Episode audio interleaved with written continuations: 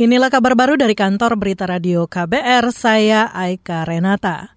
Kementerian Pariwisata dan Ekonomi Kreatif meminta pelaku UMKM menjual produk secara digital guna meningkatkan penjualan dan membuka lapangan kerja.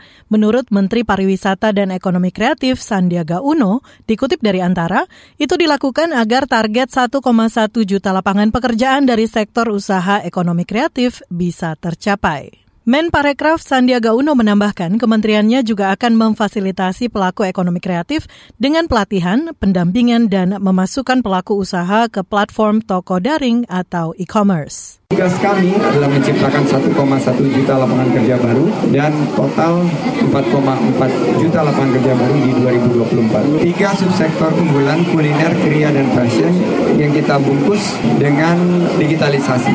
Ada gerakan nasional Bangga Buatan Indonesia di mana saya ditunjuk menjadi ketua harian.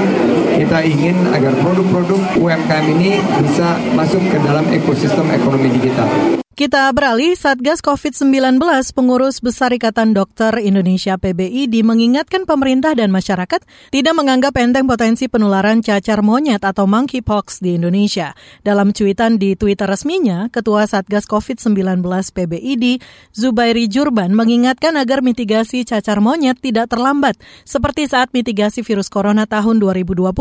Zubairi juga meminta masyarakat terus menerapkan perilaku hidup bersih dan sehat, serta protokol kesehatan kesehatan seperti memakai masker dan menjaga higienitas tangan.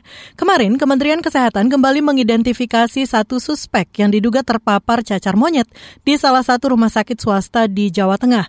Kemenkes memastikan pasien suspek cacar monyet ini akan diperiksa lebih lanjut untuk memastikan penyakitnya. Beralih ke informasi mancanegara, dua orang tewas usai ditembak polisi saat demonstrasi memprotes pemadaman listrik bergilir yang berlangsung rusuh di Bangladesh akhir pekan lalu.